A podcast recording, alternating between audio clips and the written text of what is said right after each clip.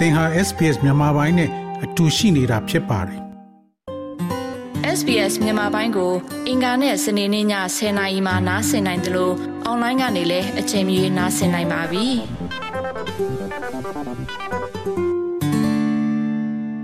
Sophia Sarkis အခုလိုနိုင်ငံတကာအမျိုးသမီးများနေ့အကြောင်းနဲ့ပတ်သက်ပြီးတော့ SBS Radio မှာဆွေးနွေးပေးမဲ့အတွက်ကျေးဇူးအများကြီးတင်ပါတယ်။ဟုတ်ကဲ့အခုလိုမေးမြန်းဆက်တဲ့အတွက်လည်း ကျေးဇူးတင်ပါတယ်ရှင်ဟုတ်ကဲ့ပထမဆုံးအနေနဲ့ကျွန်တော်မေးချင်တာကတော့ဆိုဖီယာကမြန်မာပြည်ကနေအသက် session တွေအလားလောက်မှထွက်လာတယ်ထင်ပါတယ်ဆိုဖီယာအဲ့ငငယ်ကဗမာပြည်မှာအမျိုးသမီးတွေနေထိုင်ရတာသူတို့ပေါ်ပါဝင်ချင်ဆက်ဆံတာသူတို့လုံနိုင်ခွင့်နေနဲ့ပတ်သက်ပြီးတော့အခုအချိန်မှာပေါ့လေဆိုဖီယာအဲ့ဟာတွေနဲ့နှိုင်းရှင်လိုက်လို့ရှင်ဘာတွေများကွာခြားသွားတာတွေကိုတွေ့ပါလဲဟုတ်ကဲ့ကွာခြားမှုတွေကတော့အများကြီးပါပဲ ကျမထွက်လာတာက16နှစ်ကျော်ကျော်အရွယ်ကထွက်လာတဲ့အချိန်မှာပေါ့နော်ဆိုတော့ကျမတို့မြန်မာအဲ main ကလေးတွေအနေနဲ့ပေါ့နော်မြန်မာ main ကလေးတွေမှလည်းမဟုတ်ပါဘူးဒီမြန်မာလူမျိုးစုရဲ့သားသမီးတွေအနေနဲ့ကအဖြစ်မိဘစကားကိုမှန်သည်ဖြစ်စေမှားသည်ဖြစ်စေပေါ့နော်တတော်မတိန်နားထောင်ရတယ်ကိုကမှန်နေပေမဲ့လည်းကို့မှာပြန်ပြီးတော့ရှင်းပြနိုင်ခွင့်မရှိတဲ့အခွင့်အရေးတွေပေါ့နော်မရခဲ့ဘူးပြီးတော့နောက်တစ်ခါမိန်းကလေးတယောက်အနေနဲ့ မြန်မာပြည်မှာကြီးပြင်းလာတဲ့အခါမှာမြန်မာစကားပုံရှိရပေါ့နော်ဘိုင်းကောင်းကြောက်ဖိအဲနေရမယ်လို့အာဒီလိုဝတ္တာစာရာမျိုးတွေရှောင်ရှားမယ်ဆုံးမမှုတွေကြားနဲ့နေခဲ့ရတယ်ပေါ့နော်နေခဲ့ရပြီးတော့ဒီဩစတြေးလျကို18နှစ်ကျော်ကျော်အရွယ်ကရောက်လာတဲ့အချိန်ကစပြီးတော့ဒီမှာနေဝင်ရတဲ့အခွင့်အရေးကြတော့တမျိုးအမြင်ပြောင်းလဲသွားတယ်ပေါ့နော်အမြင်ပြောင်းလဲသွားတာကတော့ကောင်းတဲ့အမြင်ဘက်ကိုပြောင်းလဲတာပေါ့နော် ဥပမာဆိုလို့ရှိရင်ဟိုကိုကတခုခုမှမိဘတွေအမြင်အနေနဲ့တခုခုမသိတော့ဘူးဒါမျိုးမလုပ်အောင်မသွားအောင်ဆိုလို့ရှိရင်လို့ရှိရင်ကို့အနေနဲ့ပြန်ရှင်းပြခွင့်ရတယ်ကိုဟာဒီအသက်အရွယ်ရှိပြီးယုံကြည်စိတ်ချမှုရှိပြီးတော့ ဒီလမ်းကိုရှောက်ခွင့်ပေးပါဒီနေရာကိုသွားခွင့်ပေးပါဒီအလုပ်ကိုလုပ်ခွင့်ပေးပါပေါ့နော်အဲ့လိုမျိုးပြန်အလန်ဆွေးနွေးခွင့်လေးတွေရတယ်ပေါ့နော်ပြန်အလန်ဆွေးနွေးခွင့်ရတဲ့အခါကျတော့မိဘနဲ့သားသမီးပေါ်မှာနားလည်မှုရှိပြီးတော့ယုံကြည်မှုဆိုတဲ့အရာတစ်ခုကိုတိဆောက်လာလို့ရတဲ့အခါကျတော့အဲ့ယုံကြည်မှုတစ်ခုနဲ့ဟိုစောက်တည်တဲ့မိန်းမသားတယောက်ရဲ့ဘဝမှာကိုကိုကိုယုံကြည်မှုအပြည့်နဲ့အတူ ရဲရင်တဲ့စိတ်ပါရှိလာတယ်ပေါ့နော်ရဲရင်တဲ့စိတ်ကိုနောက်ပြီးတော့ဒီ trust ဆိုတဲ့ခုနပြောတဲ့ယုံကြည်မှုအရာနဲ့လောက်ကင်သမျှအရာတွေအားလုံးကိုမိဘကလည်းကိုကိုခွင့်ပြုချက်ပြုလို့ပေးတဲ့အရာတွေအားလုံးနဲ့လုပ်တဲ့အခါမှာအစားအစာတွေအဆင်ပြေလာတယ်ပေါ့နော်အဲ့ဒီခါတစ်ခုကဒီဩစတြေးလျမှာကြီးပြင်းရတဲ့ကွာခြားတယ်ပေါ့နော်ဥပမာဆိုလို့ရှိရင်အခုကျမသမီးလေးတွေသားလေးတွေဆိုလို့ရှိရင်လည်းဒီမိဘနဲ့သားသမီးမှာအထူးသဖြင့်သမီးမိန်းကလေးတွေကို ဒီရဲရဲနဲ့စိတ်ဓာတ်အမှန်တရားကိုပြောဆိုရတဲ့တတိကလေးတွေပေါ့နော်အဲ့လိုမျိုးဟိုတွင်တင်ဆုံးမပေးတဲ့ဟိုအလေးထားတွေရှိလာတယ်ပေါ့နော်ကျမတို့ငငယ်တော့ဆိုလို့ရှိရင်ကျမတို့မိဘတွေကမဟုတ်ဘူးဒါပဲနားထောင်ရမယ်ဒါကိုပဲလုပ်ရမယ်ဒီလမ်းကိုပဲလုပ်ရမယ်ဒါဒီလမ်းကိုပဲဆက်ရှောက်မယ်ဒီလိုမျိုးပေါ့နော်အဲ့ဒီအဲ့ဒီ system မှာကြီးပြင်းလာတယ်ပေါ့နော်အဲ့ဒီအဲ့ဒီကွာခြားမှုလေးတွေကိုတွေ့ပါတယ်ဟုတ်ကဲ့ဟုတ်ကဲ့ဆိုဖီယာအသက်16နှစ်အရွယ်မှာဩစတြေးလျကိုရောက်လာပြီးတော့ ဩစတြေးလျမှာအခုဆိုရင်ဆိုဖီယာအိမ်တော်ဒီပါချသားရီသမီးနဲ့ဖြစ်လာတယ်ပြီပေါ့လေအဲ့တော့16နှစ်ကရောက်လာတဲ့အရွယ်နဲ့အခုအချိန်မှာကိုဩစတြေးလျမှာရှိတဲ့အမျိုးသမီးတွေရဲ့ဘဝဘလို့များကွာခြားသွားတယ်ဘာတွေများတိုးတက်မှုရှိတာကိုတွေ့ရပါလဲဘာတွေကွာခြားတိုးတက်မှုရှိလဲဆိုရင်တော့ကျမတို့အခုကဘာကြီးပြောင်းလဲလာတဲ့အမျှပေါ့နော်တစ်နှစ်နဲ့တစ်နှစ်အသက်တွေကြီးလာတာနဲ့အမျှအမြင်တွေကတဖြည်းဖြည်းနဲ့တော့ပြောင်းလဲတာကို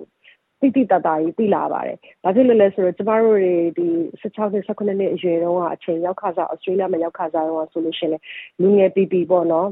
အိမ်အောင်မကြခင်အရွယ်ခင်အချိန်တွေမှာအမျိုးသမီးတွေအနေနဲ့ကအမြဲတမ်းကဲ့ရဲ့ရှုတ်ချခြင်းကိုခံရပါတယ်ယောက်ျားတွေထက်စားရင်ပေါ့နော်ဥပမာဆိုလို့ရှိရင်ယောက်ျားလေးတွေရီးစားများရင်ဘာမှမဖြစ်ဘူးမိန်းကလေးတွေရီးစားများရင်ဒီမိန်းကလေးတွေဟာလုံးဝကိုသုံးစားမရတဲ့ဘဝထဲမှာရောက်အောင်ကိုအမျိုးမျိုး နှိမ်ချပြောဆိုခံရပါတယ်ပေါ့နော်အထူးသဖြင့်ဟိုတခြားဟို community တော့မသိဘူးပေါ့နော်ကျမတို့မြန်မာလူမျိုးတွေမှာဆိုလို့ရှိရင်ဒီကိစ္စတော်တော်ကြီးမားတဲ့ကိစ္စပေါ့နော်ဥပမာ main ကလေးတွေအဲ့လိုရေးစားများပြီဆိုတာနဲ့ဒီ main ကလေးဟာလုံးဝကိုမကောင်းတဲ့ main ကလေးအစားမျိုးတွေမှာပသွားလောက်တဲ့အထီလောက်ကိုမိမတယောက်က main ကလေးတယောက်ရဲ့စိတ်ဓာတ်ကိုပြက်ပြားလောက်အောင်ကိုပတ်ဝန်းကျင်တစ်ခုကနေပြီးတော့တော်တော်လေးကိုလှုပ်ခတ်နိုင်စွမ်းရှိပါတယ်အဲ့ခါကျတော့ဘာဖြစ်လဲဆိုတော့ဒီအမျိုးသမီးတွေရဲ့စိတ်မှာ ဟိုယုံကြည်မှုညော့နေပြီးတော့သူတို့ကိုသူတို့အားငယ်တဲ့စိတ်တွေတိမ်ငယ်တဲ့စိတ်တွေဝင်လာတယ်ပေါ့နော်ဆိုတော့ကျမအနေနဲ့လည်းဟိုပြောချင်တာကတော့ပေါ့နော်ကျမလည်းဟို6ဖြစ်ခင်တဲလက်စင်မဟုတ်ခင်ငငယ်ငယ်ဘဝကိုလူတိုင်းကဖြတ်တန်းခဲ့ကြတဲ့သူတွေပဲပေါ့နော်အဲငငယ်တုန်းကဖြတ်တန်းခဲ့တဲ့အချိန်တွေမှာအမှားပေါင်းစုံလုပ်ချင်လုပ်ခဲ့တာရှိမယ်ရီးစားတွေလည်းအများကြီးထားချင်ထားခဲ့တာရှိချင်းရှိမယ်ဒါပေမဲ့လို့အဲ့လိုလုံးလိုက်တဲ့အရာတခုက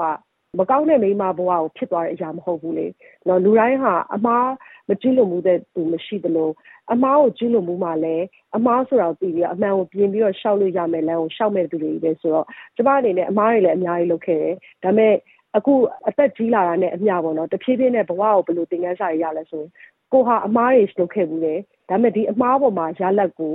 ဒီအမားကိုအမားလို့လက်ခံနိုင်တယ်အမှန်ကိုပြင်အောင်ရှောက်လန်းနိုင်တဲ့သူဟာအချိန်မီလူကောင်း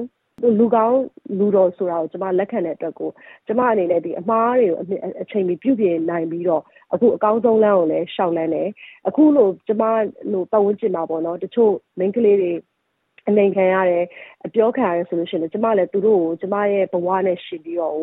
ဟိုသင်ခန်းစာရအောင် ကျမရဲ့ ဘဝနဲ့ သင်ခန်းစာအလျောက် သူတို့ကို ပြောပြတယ် သူတို့ရဲ့ စိတ်ဓာတ်တွေကိုကြားနေတဲ့ စိတ်ဓာတ်တွေကို မြင့်တင်ပေးရပေါ့နော်လူဆိုတာအမားနဲ့မကင်းဘူးဒါပေမဲ့ကိုအမားကိုသိတဲ့အချိန်မှာအမားကိုသိပြီးတော့အမှန်ကိုရှောက်နိုင်တဲ့အချိန်ဟာအမြဲတမ်းဘယ်တော့မှနောက်မကျတဲ့အချိန်ပဲဖြစ်တယ်ဆိုတော့ကျွန်မအမြဲတမ်းလူတိုင်းကိုအကြံပြုပါတယ်အမျိုးသမီးတိုင်းကိုအကြံပြုပါတယ်ဟုတ်ကဲ့အခုဩစတြေးလျမှာ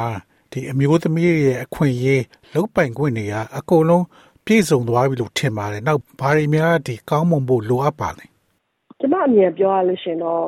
ပြည့်စုံတယ်ဆိုတာဘယ်တော့မှမရှိပါဘူး ဘယ်တော့မှလည်းပြည့်စုံသွားတယ်လို့တော့မသတ်မှတ်ထားဘူးပေါ့နော်။ဘာဖြစ်လို့လဲဆိုတော့တနေ့နဲ့တနေ့က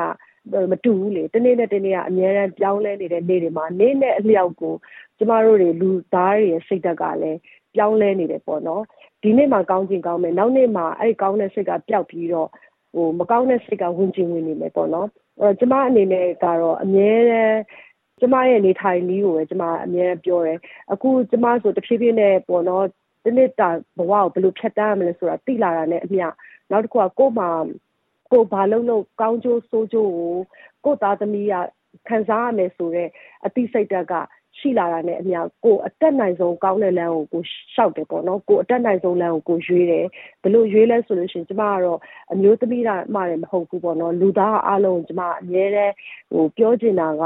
ပြည့်စုံတယ်ဆိုတဲ့အရာဟာဘယ်တော့မှမရှိပါဘူးဘဝကြီးမှာအကုန်လုံးကပြည့်စုံနေပြီဆိုလို့ရှိရင်ဟိုလူ့ဘဝကြီးမှာအခုဖြစ်နေတဲ့အရာတွေလည်းဟိုဖြစ်ပြနေတဲ့အရာတွေလည်းဖြစ်တော့မှာမဟုတ်ဘူးပေါ့နော်ဒါကတော့တဘာဝပေါ့နော်အဲ့တော့မပြည့်စုံတဲ့အရာဆိုတာမရှိတဲ့အလျောက်အတွက်ကိုကိုရီးယားအတက်နိုင်ဆုံးကိုယ်စိတ်ကိုပဲကိုပြုပြင်ရမယ်ပေါ့နော်အကောင်းဆုံးဖြစ်အောင်တယောက်နဲ့တယောက်ပေါ့နော် humble ဖြစ်အောင်အဲတယောက်နဲ့တယောက်စာနာမှုတွေနားလည်မှုတွေနဲ့ထိမမှုတွေနဲ့ပေါ့နော်ဥပမာ အမျိုးသမီးတယောက်က အားငယ်နေတယ်တိမ်ငယ်နေတယ်ဆိုလို့ရှိရင်အပိစကားပြောကြဖို့လို့ နောက်ပြီးတော့ လူတယောက်မှာ အခက်အခဲတစ်ခုရှိလာတယ် လူတယောက်မှာ အမဲဆက်တစ်ခုရှိရလူတယောက်မှာ အပြစ်တစ်ခုရှိရဆို ဒီအပြစ်ကိုကြီးပဲ ဖိပုံချနေတဲ့အစား သူဘာကြောင့် ဒီလိုမျိုးဖြစ်ရတယ်လဲ မိတ်ဆွေကောင်းပြီးသားစွာနဲ့ပေါ့နော် ဒီလူတယောက်ကိုကဲတင်ခြင်းတယ် ဒီအမျိုးသမီးတယောက်ဖြစ်ဖြစ် အမျိုးသားတယောက်ဖြစ်ဖြစ် သူတယောက်ကို ကောင်းစေခြင်းတယ်ဆိုလို့ရှိရင် အကောင်းဆုံးနည်းလမ်းတွေနဲ့ ဖေးဖေးမမနဲ့ ဆက်ဆံပြီးတော့ ပတ်ဝန်းကျင်မှာ ဖယ်ရှောင်ပြီးတော့ဆက်ဆံတဲ့အစားဖေးဖေးမမနဲ့ဆက်ဆံပြီးတော့ကျမတို့ဒီလူ့ဘဝကြီးရဲ့မှာဖြတ်တန်းနေတဲ့လမ်းတစ်လျှောက်မှာလက်တွဲခေါ်သွားပြီးတော့ကိုကအစကိုပတ်ဝန်းကျင်ပြုပြင်ပြီးတော့တကဘာလုံးအေးချအောင်ပြုပြင်သွားပြီးတော့ရှေ့လျှောက်ကိုဆက်ဆံသွားလို့ရှိရင်အကုန်လုံးကငြိမ်းချမ်းပြီးအေးချမ်းမယ်လို့တော့ကျမထင်ပါတယ်ဟုတ်ကဲ့ဆိုဖီယာအခုမကြာခင်ရပဲ Mrs Universe Charity Queen Crown ကိုရခဲ့ပြီးတော့နေဆက်ကိုသွားခဲ့နေဆက်မှာလည်း လူအတော်များများနဲ့တွေ့ခဲ့တယ်အဲ့တော့အဲ့နေဆက်ကိုသွားတဲ့အချိန်မှာတော့ကောဒီနေဆက်မှာရှိတဲ့မြန်မာအမျိုးသမီးတွေရဲ့အခွင့်အရေးကဘယ်လိုများရှိပါလဲနေဆက်မှာအခုလက်တလုံးရောက်ခဲ့တော့ဒီခရီးက ကျမအတွက်ကိုအရန်ကိုဝမ်းနဲ့ဆရာကောင်းတဲ့ခရီးလည်းဖြစ်တယ်ချိန်နဲ့အားရတဲ့ခရီးလည်းဖြစ်ပါတယ်ချိန်နဲ့အားရတာတော့ကိုဒီလိုမျိုးပရဟိတအလုပ်ကိုလုပ်ချင်နေကြတာကြာပြီပေါ့နော်အဲ့တော့အဲ့ဒီအခွင့်အရေးလေးရပြီးတော့ဒီဒုက္ခရောက်နေတဲ့ကလေးတွေဒုက္ခတဲ့အမျိုးသမီးတွေဒုက္ခတဲ့ဘောင်းဆောင်တွေနဲ့ပေါ့နော်တွေ့ဆုံဆွေးနွေးပြီးထိတွေ့ခွင့်ရတဲ့ဟာကျမတို့ချိန်နဲ့အားရတယ်ကိုလှူဒန်းချင်တာလေးလည်းလှူဒန်းခွင့်ရခဲ့ဝမ်းနေတာတော့ဒီခီးကပြန်လာပြီးတဲ့အချိန်မှာသူတို့ရဲ့ခံစားချက်တွေ အလွှာပေါင်းစုံပေါ့နော်ခံစားချက်တွေကိုဝင်လာပြီးကိုယ်တိုင်ကိုကြသူတို့နဲ့အတူထပ်တူထပ်များခံစားခဲ့တော့ကျမရဲ့နှလုံးသားတွေနာကျင်စွာနဲ့ကိုပြန်လာခဲ့ပါတယ်ဒါပေမဲ့ဟိုမေးသလိုပဲဒီအမျိုးသမီးတွေမှလည်းမဟုတ်ပါဘူးဒီမဲဆောက်မှာဒုက္ခရောက်နေတဲ့ဒုက္ခတွေတွေအားလုံးပေါ့နော်ဒုက္ခတွေတွေအားလုံးမှာကသူတို့ခမတရားမဝင် ကိုယ့်ရဲ့အိမ်နီးနားချင်းနိုင်ငံတနိုင်ငံမှာခိုးနေရတဲ့ဘဝမှာသူတို့မှာမျှော်လင့်ချက်ဆိုတာပျောက်ဆုံးပြီးတော့သူတို့မှာလှုပ်ဆောင်ခွင့်ဆိုတာလှုပ်ပိုင်ခွင့်ဆိုတာသူတို့ရဲ့လူအခွင့်အရေးအပြည့်အဝဆိုတာ အကုန်လုံးကဖြည့်ဆည်းခံထားရတဲ့သူတွေပါသူတို့ခမကြီးလန့်စာစားနေရတဲ့ဘဝတွေပေါ့နော်ထိုင်းရဲတွေကိုရှောင်ရှားရတဲ့ဘဝတွေထိုင်းရဲတွေပြီးလို့ရှင်သူတို့ရသမျှလာကလေးတွေအကုန်ပြုတ်ရတဲ့ဘဝတွေနောက်တနေရာကိုခိုးကြောင်ခိုးဝဲနဲ့ပြေးရတဲ့ဘဝတွေနောက်တနေရာမှာမဖမ်းခံရဖို့တိတ်တိတ်ဆိတ်ဆိတ်နဲ့ပုံခိုနေရတဲ့ဘဝတွေသူတို့ရဲ့ရှင်ထဲမှာဒီလူအခွင့်အရေးဆိုတာကိုတွေးဖို့တောင်မှသူတို့ခမအချိန်ရှိမယ်လို့တော့ကျွန်မမထင်ထားတော့ဘူး။ဘာဖြစ်လို့လဲဆိုတော့သူတို့မှာက ဟာငါတို့လူအခွင့်အရေးတွေပျောက်ဆုံးနေပြီငါတို့ဒီအမျိုးသမီးအခွင့်အရေးတွေဆုံးရှုံးနေပြီဆိုတော့အတွေးအစားငါတို့မနေ့ဖြန်ကိုဘယ်လိုမျိုးရှင်တန်အောင်နေထိုင်ရမလဲဆိုတဲ့အတွေးနဲ့ငါတို့သားသမီးလေးတွေမနေ့ဖြန်မှာရဲတွေမဖမ်းမိအောင်ဘယ်လိုများနေရမလဲဆိုတဲ့အတွေးတွေကပိုပြီးကြီးစိုးနေတယ်ပေါ့နော်အဲ့တော့ကျမတို့အနေနဲ့ကဒီပြည်ပမှာရောက်နေတဲ့သူတွေကကအားလုံးကနေပြီးတော့သူတို့တွေအတွက်ကိုအများဆုံးလုပ်ပေးနိုင်တာတော့သူတို့တွေရဲ့ကိုစားကျမတို့တွေကနိုင်ငံတကာသိအောင် သူတို့ခံစားချက်တွေကိုကျမတို့တွေကိုယ်တိုင်ကထုတ်ဖော်ပြောဆိုပြီးတော့နိုင်ငံတကာလူအခွင့်အရေးအဖွဲ့အစည်းတွေကိုတောင်းဆိုပြီးတော့သူတို့တွေရှိမှပျောက်ဆုံးနေတဲ့လူခွေတွေပြန်ရအောင်ကျမတို့ကလုပ်ပေးရမယ့်တောင်းရှိပါတယ်။ Okay အဲ့တော့မနေ့ပြန်မှာ International Women Day နိုင်ငံတကာအမျိုးသမီးများနေ့အတွက်ဆိုဖီယာဘာများအထူးလုပ်ဖို့အစီအစဉ်များရှိပါလဲ။ကျမအခုလောလောဆယ်မှာ program တစ်ခုရှိပါတယ်။ဟိုလောလောဆယ်ပေါ့နော်အခုကိုရထားတဲ့ ဒီ Mrs Universe Australia Charity Queen အလှမယ်ပွဲအဲအိမ်တော်ရှင်အလှမယ်ပွဲအနေနဲ့ title holder အနေနဲ့ရယ်ဟို Miss Grand မြန်မာပွဲရရတဲ့ Han လေးနဲ့ကျမနဲ့နှစ်ယောက်က program လေးတစ်ခုရှိပါတယ်ဒီ program လေးကိုမနေ့ပြန်မှာပေါ့နော်ဒီ International Women's Day မှာလွှင့်ဖို့အစီအစဉ်ရှိပါတယ်ဒီအဓိကကတော့ကျမတို့မိန်းမသားတွေပေါ့နော်တော်လန်ရေးနှစ်နှစ်တာကာလအတွင်းမှာဖြတ်တန်းရတဲ့အခါမှာစိတ်ဓာတ်အတက်ကြတွေရ နေ့တူကကြုံတွေ့နေရတဲ့အရာတွေပေါ့နော်ဒီကြားထဲမှာတချို့တွေဆိုလို့ရှိရင်ဟိုငွေကြေးအခက်အခဲရှိတဲ့သူတွေရှိတယ်ကျမတော့ငွေကြေးအခက်ခဲတော့တိတ်တော့ပူစရာမလိုပဲမဲ့စက်သားရေးသမီးတွေတော့ရှိတာပေါ့နော်လူတိုင်းမှာအပူဆိုတာရှိရပေါ့နော်လူတိုင်းမှာအခက်ခဲဆိုတာရှိရဒီအခက်ခဲတွေကိုကြုံလာတဲ့အခါဘလို့ရင်ဆိုင်ပြီးဘလို့ဖြတ်တန်းလဲဘလို့ကိုကိုကိုစိတ်ဓာတ်မြင့်တင်လဲဆိုတော့အစီအစဉ်လေးတစ်ခုရှိပါတယ်မနေ့ပြန်ကြားလို့ရှင်ပေါ့နော် ဆိုတော့ကျမအနေနဲ့ကတော့ဒီ International Women's Day မှာဒီအမျိုးသမီးတွေမှလည်းမဟုတ်ပါဘူးတကဘာလုံးကိုမှရှိတဲ့လူသားတွေအားလုံးကျမပြောချင်တာကတော့ကျမတို့တွေအားလုံးဟာလူသားတွေဟာလူသားကိုလူသားလို့မြင်ပြီးတော့လူသားချင်းချင်းပိုချင်းစာနာတရားတွေနဲ့ဆက်ဆံမယ်ဆိုလို့ရှိရင်ကိုကိုကိုအရင်အစပြုပြင်ပြီးတော့တယောက်နဲ့တယောက်ဟိုမေတ္တာတရားနဲ့ထားပြီးတော့ဆက်ဆံမယ်ဆိုလို့ရှိရင်တကဘာလုံးအဆင်မပြေတော့မှ ကို့အနီးနားကို့ပတ်ဝန်းကျင်ကနေစပြီးတော့တဖြည်းဖြည်းနဲ့အဆင်ပြေအောင်လုပ်သွားလို့ရှိရင်နောက်လာနောက်သားကလေးတွေအတွက်ကပေါ့နော်ကောင်းမွန်တဲ့ future ကိုရမယ်ဆိုတာကိုကျွန်မယုံကြည်ပါတယ်ဟုတ်ကဲ့ဆိုဖီယာအခုလို့ဆက်ရှိလက်ရှိရှင်းပြပေးအတွက်ကျေးဇူးအများကြီးတင်ပါတယ်နော်ဟုတ်ကဲ့အခုလိုမျိုးလမ်းပြီးတော့မေးမြန်းတဲ့အတွက်ကိုလည်းကျွန်မအရင်ကျေးဇူးတင်ပါတယ်ရှင်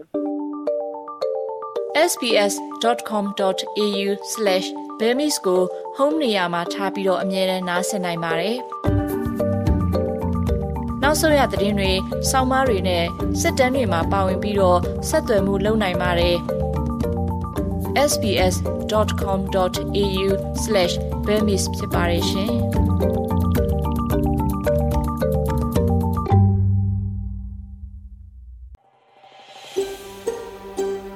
ဒါမျိုးသတင်းဆောင်မတွေကိုပိုနားဆင်လိုပါလား Apple Podcast Google Podcast Spotify တို့မှာသင်ပင်ရာဖြစ်ဖြစ်ရယူတဲ့ podcast ကနေပါ